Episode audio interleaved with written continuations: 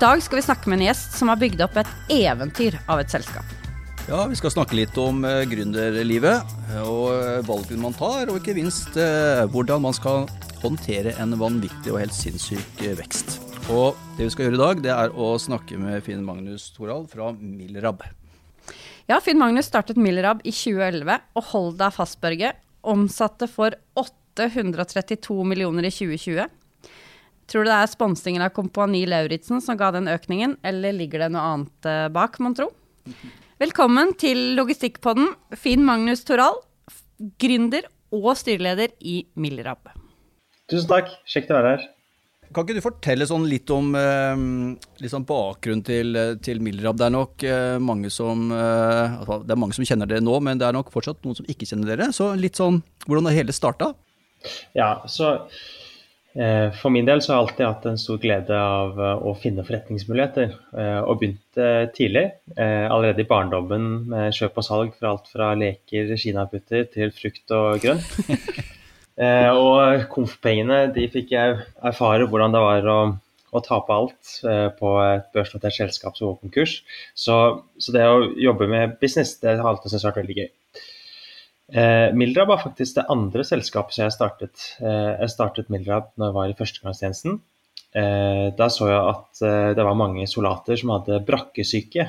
Dvs. Si at eh, de var jo tatt ut fra sine gode hjem langt ut eh, til gjerne Nord-Norge eller ut i bushen, og savnet hjem.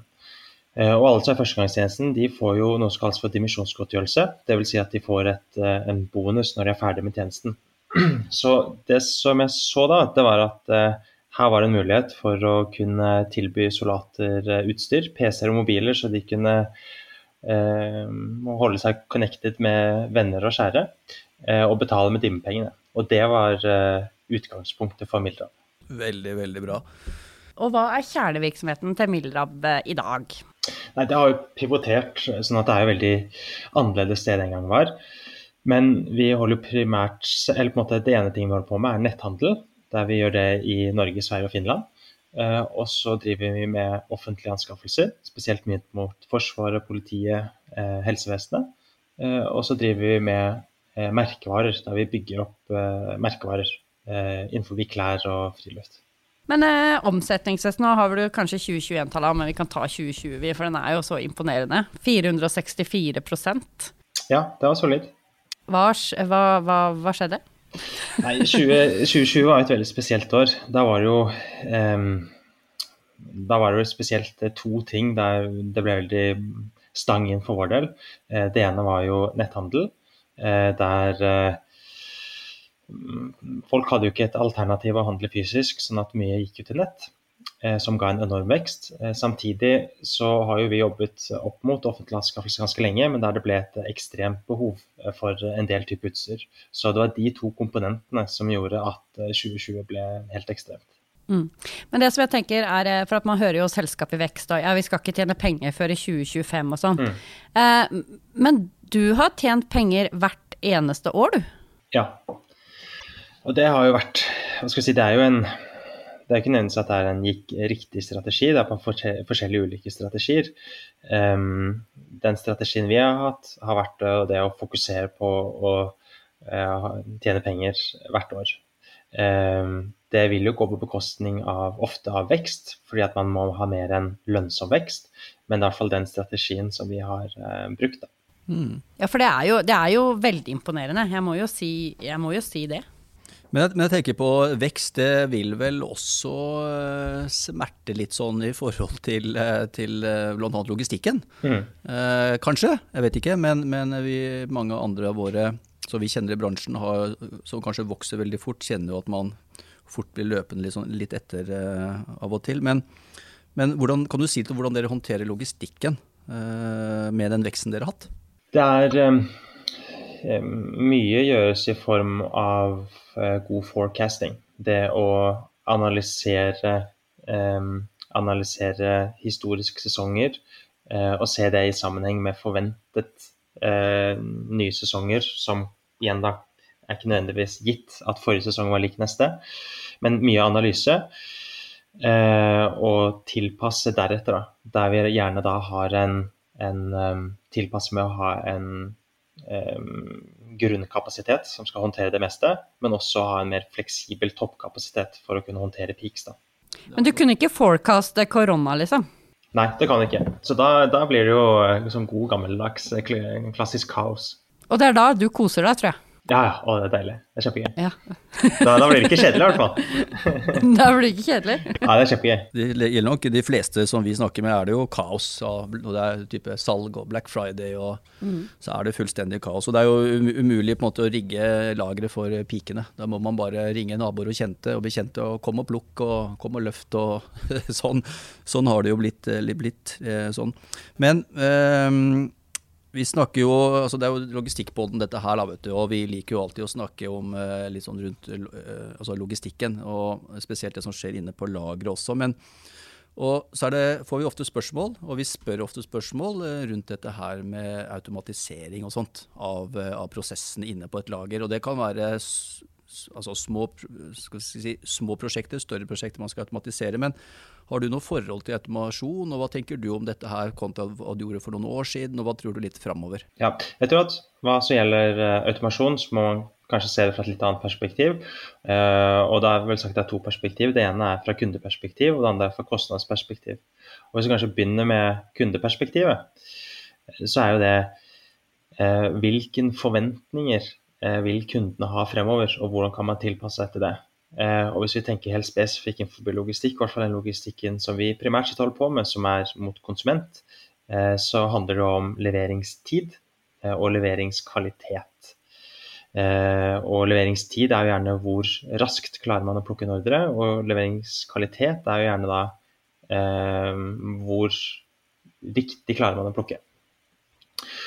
Og da er jo spørsmålet automasjon i hvilken grad kan det bidra for å redusere leveringstid og øke leveringskvalitet. Og Der er det jo eh, gode muligheter. Um, ofte på automasjon så er det noen som sitter med forventning om at det er one size fits all, men jeg tror at uh, automasjon vil være en kritisk og viktig del fremover. Men det er ikke gitt at et lager skal være 100 automatisert. At det gjerne er en hybridløsning der man har en del kan være automatisert, en annen del kan være litt mer manuelt. Det andre aspektet er jo kostnader. Eh, og, og, da er jo bare spørsmålet eh, automasjon. Kan det eh, bidra til eh, å redusere kostnader? Eh, og der har vi gjort noen regneøvelser, og vi ser at, at eh, det har noe å si på, hva, på hvordan, hvor stort lageret er, og hvilken, hva automasjon faktisk kan løse. men også hva er kostnaden for lagerleie på det området. Uh, og det vi fant ut, var at, i hvert fall basert på tidligere estimater, var at jo høyere leiepriser er, jo ofte mer fordelaktig vil det være med automasjon. Fordi at man klarer ofte å ha en høyere arealutnyttelse. Men igjen, det er ikke noe one size fits all. Uh, men jeg tror at uh, automasjon en, vil være en viktighet og vil være en naturlig del av ethvert lager fremover i tid. Og vi har, vi har hos oss, og bygger det også videre ut. Gode betraktninger. Har dere noen gang vurdert 3PL? Eh, hvorfor, hvorfor ikke Jo, vi har sett på, på 3PL, eh, og, eh, og, 3PL er jo også en veldig god løsning. Det spørs jo litt sånn hva slags type logistikk man har. For vår del eh, så er jo eh, logistikk er en, er en kjernevirksomhet. Eh, og da har vi tatt en call på at all kjernevirksomhet, det skal vi kjøre inhouse. Men hvis en har og, ja, og i og med at det er en kjernevirksomhet, så har vi også da vi naturlig investert mye tid og kapital for å være effektive på det. Og da skal det jo en del til at en 3PL skal kunne løse det billigere enn oss, for de må jo ha en margin på sitt plukk igjen. Da. Eh, men for veldig mange så tror jeg at eh, en 3PL kan være en god løsning. Mm. Hvor, hvor, mange er dere på lager i dag eh, som jobber? Vet du? Ja, Ansatte så er det vel rundt uh, 70, noe sånt cirka. Ja, okay. ja. Og så på den delen som går på logistikk, så er vel det 40 pluss. 40 cirka. Er det mange For dere holder til ute i Vestby, er det ikke det? Eller jo, stemmer. Til i, Vestby. Ja, ja. Mm. er det vanskelig å få folk til å jobbe? Altså, vi ser jo det vokser jo opp nå veldig mange logistikksentre, EP-leverandører og, og logistikk har jo blitt litt sånn, litt sånn hottere, som du sier sjøl, at det er høyere leiepriser. Det ser vi. vi altså, det skjer veldig mye i logistikken. Det å få tak i dyktige folk, det, har du noen tanker rundt det og erfaringer med det? Jeg, si, jeg tror at en, enhver virksomhet så er det viktig å ha, å ha, gode teams med gode medarbeidere. Og um, Um, og uh, sagt, det går jo litt sånn i bølgedaler uh, på, på, på hvordan arbeidsmarkedet er. Men generelt sett så ville jeg sagt at det å få flinke folk innenfor logistikk, det er noe som en ikke skal ta som en selvfølge. Ja, for jeg syns mange snakker om det, og mange av gjestene vi har også har endret sånn tilbake til at det handler til slutt ikke om automasjon, men det handler egentlig om menneskene som er der. Og, eh, og har dere liksom eh, Har man en bevisst tanke rundt det? Altså det, det her med, med, hva skal jeg si, ansvarsfordeling, det kommer nye mennesker inn som får eh, liksom ansvaret for de og de områdene på lageret, at man på en måte har tillit til, til menneskene. Er det, er det, noe dere er opptatt av, eller kan du si noe om hva Mildra på en måte gjør i forhold til, til det? Ja, så i forhold til, i forhold til um, um, vi er veldig glad i tall. Uh, og en del, det fine med tall er at man kan uh, sette tydelige mål og kopier. Uh, og hos oss så har vi satt ulike mål, men det er ikke så mange. Men vi har ett mål som er likestilt med det finansielle, som heter NPS. Som er nei, skal vi se Net Employee Score. der vi måler da hvor man skal si, det er en tilfreds det er en samme type KPI som man bruker mot kunder, bruker vi mot de ansatte. For å, vi ønsker å, å være en, et sted der man eh, ikke bare ja, Der man virkelig ønsker å være en del av og, og, og jobbe. Sånn at eh, en del av det å nå det målet vil jo være å ha en god strategi eh, for hvordan å tiltrekke seg, eh, ivareta og bygge videre med flinke folk.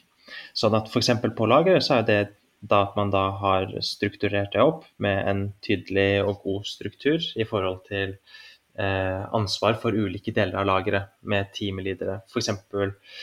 Eh, at det er ulike som har ansvar for plukk, pakk. Eh, det kan være eh, forskjellig type Altså altså Man har delt opp i teamledere som har ulike typer ansvar innad på lageret, som er veldig atskilt. Sånn at uh, da har du gjerne én lagersjef, men som igjen så er det delt inn i én teamleder for innkommende logistikk, én for utkommende logistikk, én for retur, én for B2B-ordre, én for konsumentordre, sånn at alle får et, et, tydelig eierskap, og så kan være med å påvirke og utvikle den delen av logistikk som de holder på med. Ja, det er selv om det kanskje fra utsiden tenker at logistikk er enkelt, så når man først kommer inn på et lager, så er det veldig mange ulike prosesser eh, som er en spennende mulighet for å kunne utvikle og, og få til å bli enda bedre. Absolutt. For fun fact dette, Børge, er at uh, jeg og Finn Magnus vi har faktisk jobba sammen. Har det, ja. I Stavanger. Her er en hilsen til Ola, sjefen vår. Se, nå yes. har vi blitt voksne, vi òg. Men uh, Ola hadde jo har lært oss mye. Eh, og vi blødde for den drakta hans. Ja. Eh, hvor, hvorfor er du en eh, god sjef? Jeg tror det er fordi at um, jeg ser uh, og ser uh, potensial i folk.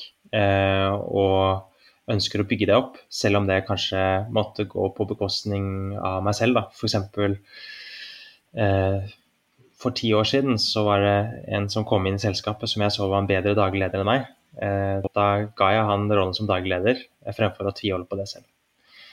Um, og det er vel kanskje, syns jeg, er en, en, stor viktighet. Det er å bygge andre opp eh, og eh, ta alle med på samme reise og inkludere på det. Ja, jeg tviler ikke på at uh, du er en god leder. Men det er mange gründere som sitter og hører på oss, uh, som har uh, kanskje har en litt tøff, tøff, start, da. Og kanskje går i det hamsterhjulet som vi snakker opp hele tida. Har du noe topp tre tips til en gjennomsnittlig gründeren som er i vekst? det er sånn som du sier, når man starter opp, så er det lett å havne litt hamsterhjul og, og, miste litt oversikt. Så jeg vil sagt, Hvis jeg skulle fordelt det opp i tre tips, så ville jeg sagt at nummer én eh, er å løfte blikket og sette et langsiktig, ambisiøst mål. Eh, og da tips nummer to det er å prioritere og være nøysom med å kunne gjøre de oppgavene som tar deg nærme det målet. For det er veldig lett å falle for fristelsen og gjøre alt annet, men om ikke det tar deg et steg nærmere målet, så ja, da bør man kanskje gjøre noe annet. Eh, og siste, det er å ha stamina. Fordi det å bygge opp et selskap, det er ikke en sprint, det er et uh, ultralån. Det tar veldig lang tid, eh, og da gjelder det å ha utholdenheten. Eh, både når ting går opp, og når ting går ned. Så det er sagt kanskje mine tre tips. Gode tips. Men uh, det ryktes uh, om børsnotering. Er det, er det er noe hold i det, eller er det noe vi kan snakke om? ja, det, er, det vi kan fint snakke om det. Uh, litt um, i forhold til Nå er jo Milrab i dag er jo blitt fire, fire selskaper, hvorav to av de er um, oppkjøp. Sånn at veien videre består av både organisk vekst, men også av eh, finansiell vekst. Eh, og for å gjøre oppkjøp eh, så kan det være hensiktsmessig å bruke flere valutaer, hvorav aksjer kan være en valuta. Og et sted der man får en god tilgang på den valutaen, det er gjennom en børsnotering. Sånn at på et eller annet tidspunkt, når kapitalbehovet tilsier at det er riktig, så kan børsnotering være en riktig ting å gjøre. Men akkurat nå så har vi ikke behov for det verktøyet. Men eh, jeg håper og tror at vi kommer til å ha behov for det fremover. For hva er planen, femårsplanen? Har du femårsplaner, eller eh, er du ettårsplaner, eller? Eh? Tradisjonelt sett så har vi alltid hatt treårsplaner. Um, og vi er jo litt i det samme nå. Og vår Eh, ambisjon eh, og plan fremover, det er å fortsette den organiske veksten. Eh, og fortsette med å bli et, en konsernstruktur, hvor man også da kan være med aktivt inn og bidra til å akselerere reisen til selskaper som vi kan gjøre finansielle investeringer. Så om fem år så håper jeg at vi har gått fra fire selskaper til i hvert fall det dobbelte. Men er du over hele Europa òg da, liksom? eller? Millerab eh, UK, er det Det er ikke utenkelig. Nå vil nok trolig tysktalende land være neste på listen. Så får vi se hva som kommer. Men kan vi snakke litt om offentlig anbud? Ja. Eh, jeg får jo nesten jeg får grøsninger av tanken. Eh, men jeg hørte den der veisalt-episoden ja. i podkasten. Kan du ikke dra den? For jeg må ha litt offentlig anbud-tips her. ja, så, for dette syns du er gøy, liksom? Ja, dette syns jeg er kjempegøy. Så, um, så det var jeg, jeg, jeg, satt på lesesalen uh, og skulle ha en innleveringsoppgave. Um, det var eksamenstiden. Og så kom jeg over at det er noe som heter offentlighetsloven. Uh, og den offentlighetsloven den gjør at man kan ha tilgang til eller innsyn i offentlige dokumenter, hvorav innsendte tilbud det er jo offentlige dokumenter. Så da ba jeg om litt innsyn, og så tittet jeg på, på en del eh, anbud. Eh, og så så jeg at oi, disse anbudene her, dette er jo som en innleveringsoppgave. Og en del av disse innleveringsoppgavene er jo ganske sløvete. Jeg hadde ikke fått A på dette. Så tenkte jeg sånn, ok, la meg, la meg bare gjøre et forsøk. Eh, og så fant jeg noen utlysninger, og så tenkte jeg veisalt, det hørtes jo artig ut. Eh, og så skrev jeg da, en, eh, skrev jeg da et eh, anbud, sendte det inn. Og så gikk det halvannen uke, og så ringte det en kar til meg og sa ja, gratulerer, nå har du vunnet en kontrakt til å levere veisalt til fire kommuner. Uh, og jeg tenkte det, det, det er jo gøy. Det er gøy. Nå, nå blir det veisalt. Men uh, jeg hadde bomma litt på passeren, så, så jeg hadde bommet litt på leveringstid. Så jeg måtte finne en litt sånn kreativ løsning for å få det veisaltet i tide. Men um, tro det eller ei, etter fire uker så sto det 110 tonn veisalt på en havn oppe i Nord-Norge. Uh, så det var en gøy erfaring. Det er uh, fantastisk. Men det har også vært uh, skip som har knekket i to med varene dine, liksom? Ja, man, man, det som er jo morsomt med å, med å, gjøre ting for første gang, det er jo at man lærer fryktelig mye. og man må passe på å legge inn litt marginer når man sender inn tilbud, for at man kommer til å gå på litt smeller. Eh, men jeg fikk jo erfare eh, hvordan det er å sende varer eh, uten å ha forsikring. Fordi en sommer så fikk jeg en mail av en transportør som sa at de har litt problemer da, med, en, med, en, sjøfrakt. Og jeg tenkte ja, ja, det var jo ikke så aggressiv mail, det går vel sikkert greit. Da mener de kanskje bare at den står fast et sted. Og så fikk jeg en ny mail der de sa at problemet har blitt ganske stort. Uh, og så kom det en tredje mail der jeg fikk et uh, bilde av um, et skip som var knekt i to. Og så gikk det enda litt tid, og så fikk jeg en ny mail der det var uh, bilde av én fordel av et skip og en bakdel av et skip, som begge, begge sto fløyt. Men de var veldig rolige og sa at det går helt fint, vi, vi, kommer til å få tak i disse konteinerne. Eh, de må bare, de må bare hente de. Og så leste jeg avisen etterpå, der jeg så bilder av at hver av disse delene av, av skipet sto i full brann, og så etter hvert sank det. Så de, den leveransen kom aldri til Norge. Men eh, da Men åssen knekker man den offentlige anbudkoden? Tenker på det som en eksamensoppgave å gå for A? Jeg har liksom aldri tenkt på det sånn, men uh, jaggu er du inne på noe der, kanskje? Offentlig anbud er mange måter å angripe det på, men sånn essensen i det, det er jo et ganske strengt uh, formkrav som man må ha ganske god kontroll på. Uh, og det er ganske ekstremt. Så man må ha stålkontroll på, på formkravet. Eh, og så gjelder det jo da å forstå anbudet, da, og ut ifra hvordan det evalueres, eh, og kunne ha en god tilnærming til sitt tilbud, eh, og ikke minst velge hva man skal delta på. For det krever en del ressurser å delta på et anbud, så man ønsker gjerne ikke å, å delta på, eh, på de man ikke har en viss form sannsynlighet for å kunne vinne. Da. Men det er en veldig artig ting å levere inn. Ja, det er jo mye formkrav og formkrav og struktur og sånn, men det jeg føler innimellom at de spør jo om ja, enten ting som er irrelevant, eller ting som jeg mener er Det burde dere jo forstå. Eller sånn Du må dokumentere ting som du egentlig tenker at du ikke bør dokumentere, da. Det er sant. Men etter hvert så, så bygger man jo opp et bibliotek med besvarelse på disse spørsmålene. Sånn at uh, man besvarer én gang, og så copy-paster man til neste. Og så er det riktignok at eh, det offentlige har jo et, eh, et, viktig ansvar, uh, og de er jo også en ledestjerne innenfor det å drive med, med bærekraftig kjøp, som jeg syns er veldig fint. Eksempelvis så setter jo de høyere krav til miljø, til arbeidsrett, som igjen man må kvalitetssikre på sin side, som er med å sette standarden. Så det, det hyller jeg offentlig anbud for. Helt enig. Det er vel et triks å lære seg. Jeg har jo vært borti noen anbud, jeg òg, eller prøvd meg litt sånn. Jeg blir jo svett bare jeg ser dokumentet, men eh, Det er for mange dokumenter for deg, Børge. Det blir for mange dokumenter for meg. Men jeg tror nok det er en del bedrifter, bedrifter der ute som, eh, som du sier, altså, Hvis du ikke har greie på det, så har du nesten ikke sjans. Altså, det er vanskelig.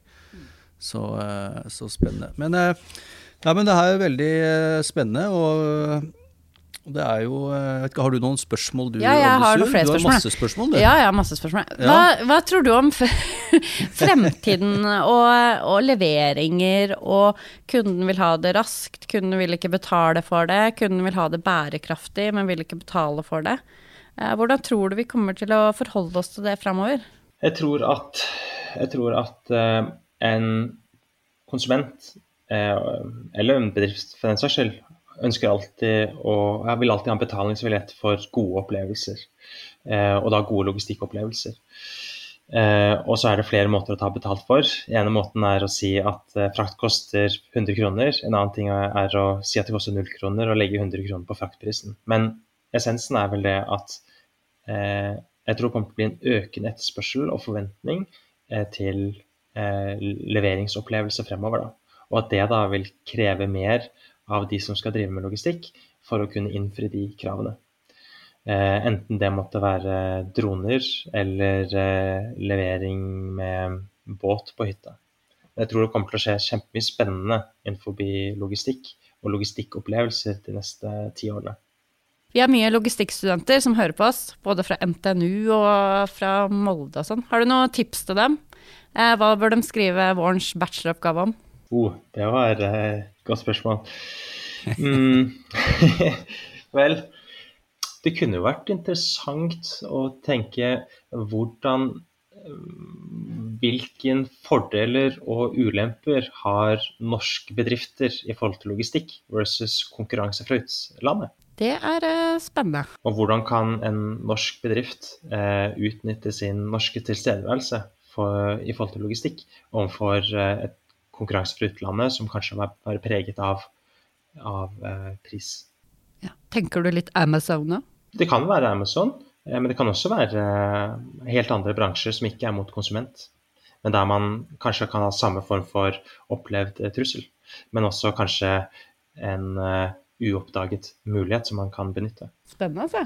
Ja, veldig spennende. Smart fyr. Ja. Later som. Da tror jeg vi kan runde av, ja. og si Ja. tusen takk for at du tok deg tid til å være med i Logissugerpodden. Takk. Veldig kjekt å være her. Eh, lykke til videre. Vi gleder oss til å følge både deg og Millerab. Eh, jeg føler at du har eh, Du har sikkert noen nye prosjekter på gang. Mye som skjer. Mye som skjer. Mye som skjer. Supert. Tusen takk for at du var med. Takk for i dag. Ha det bra. Hei.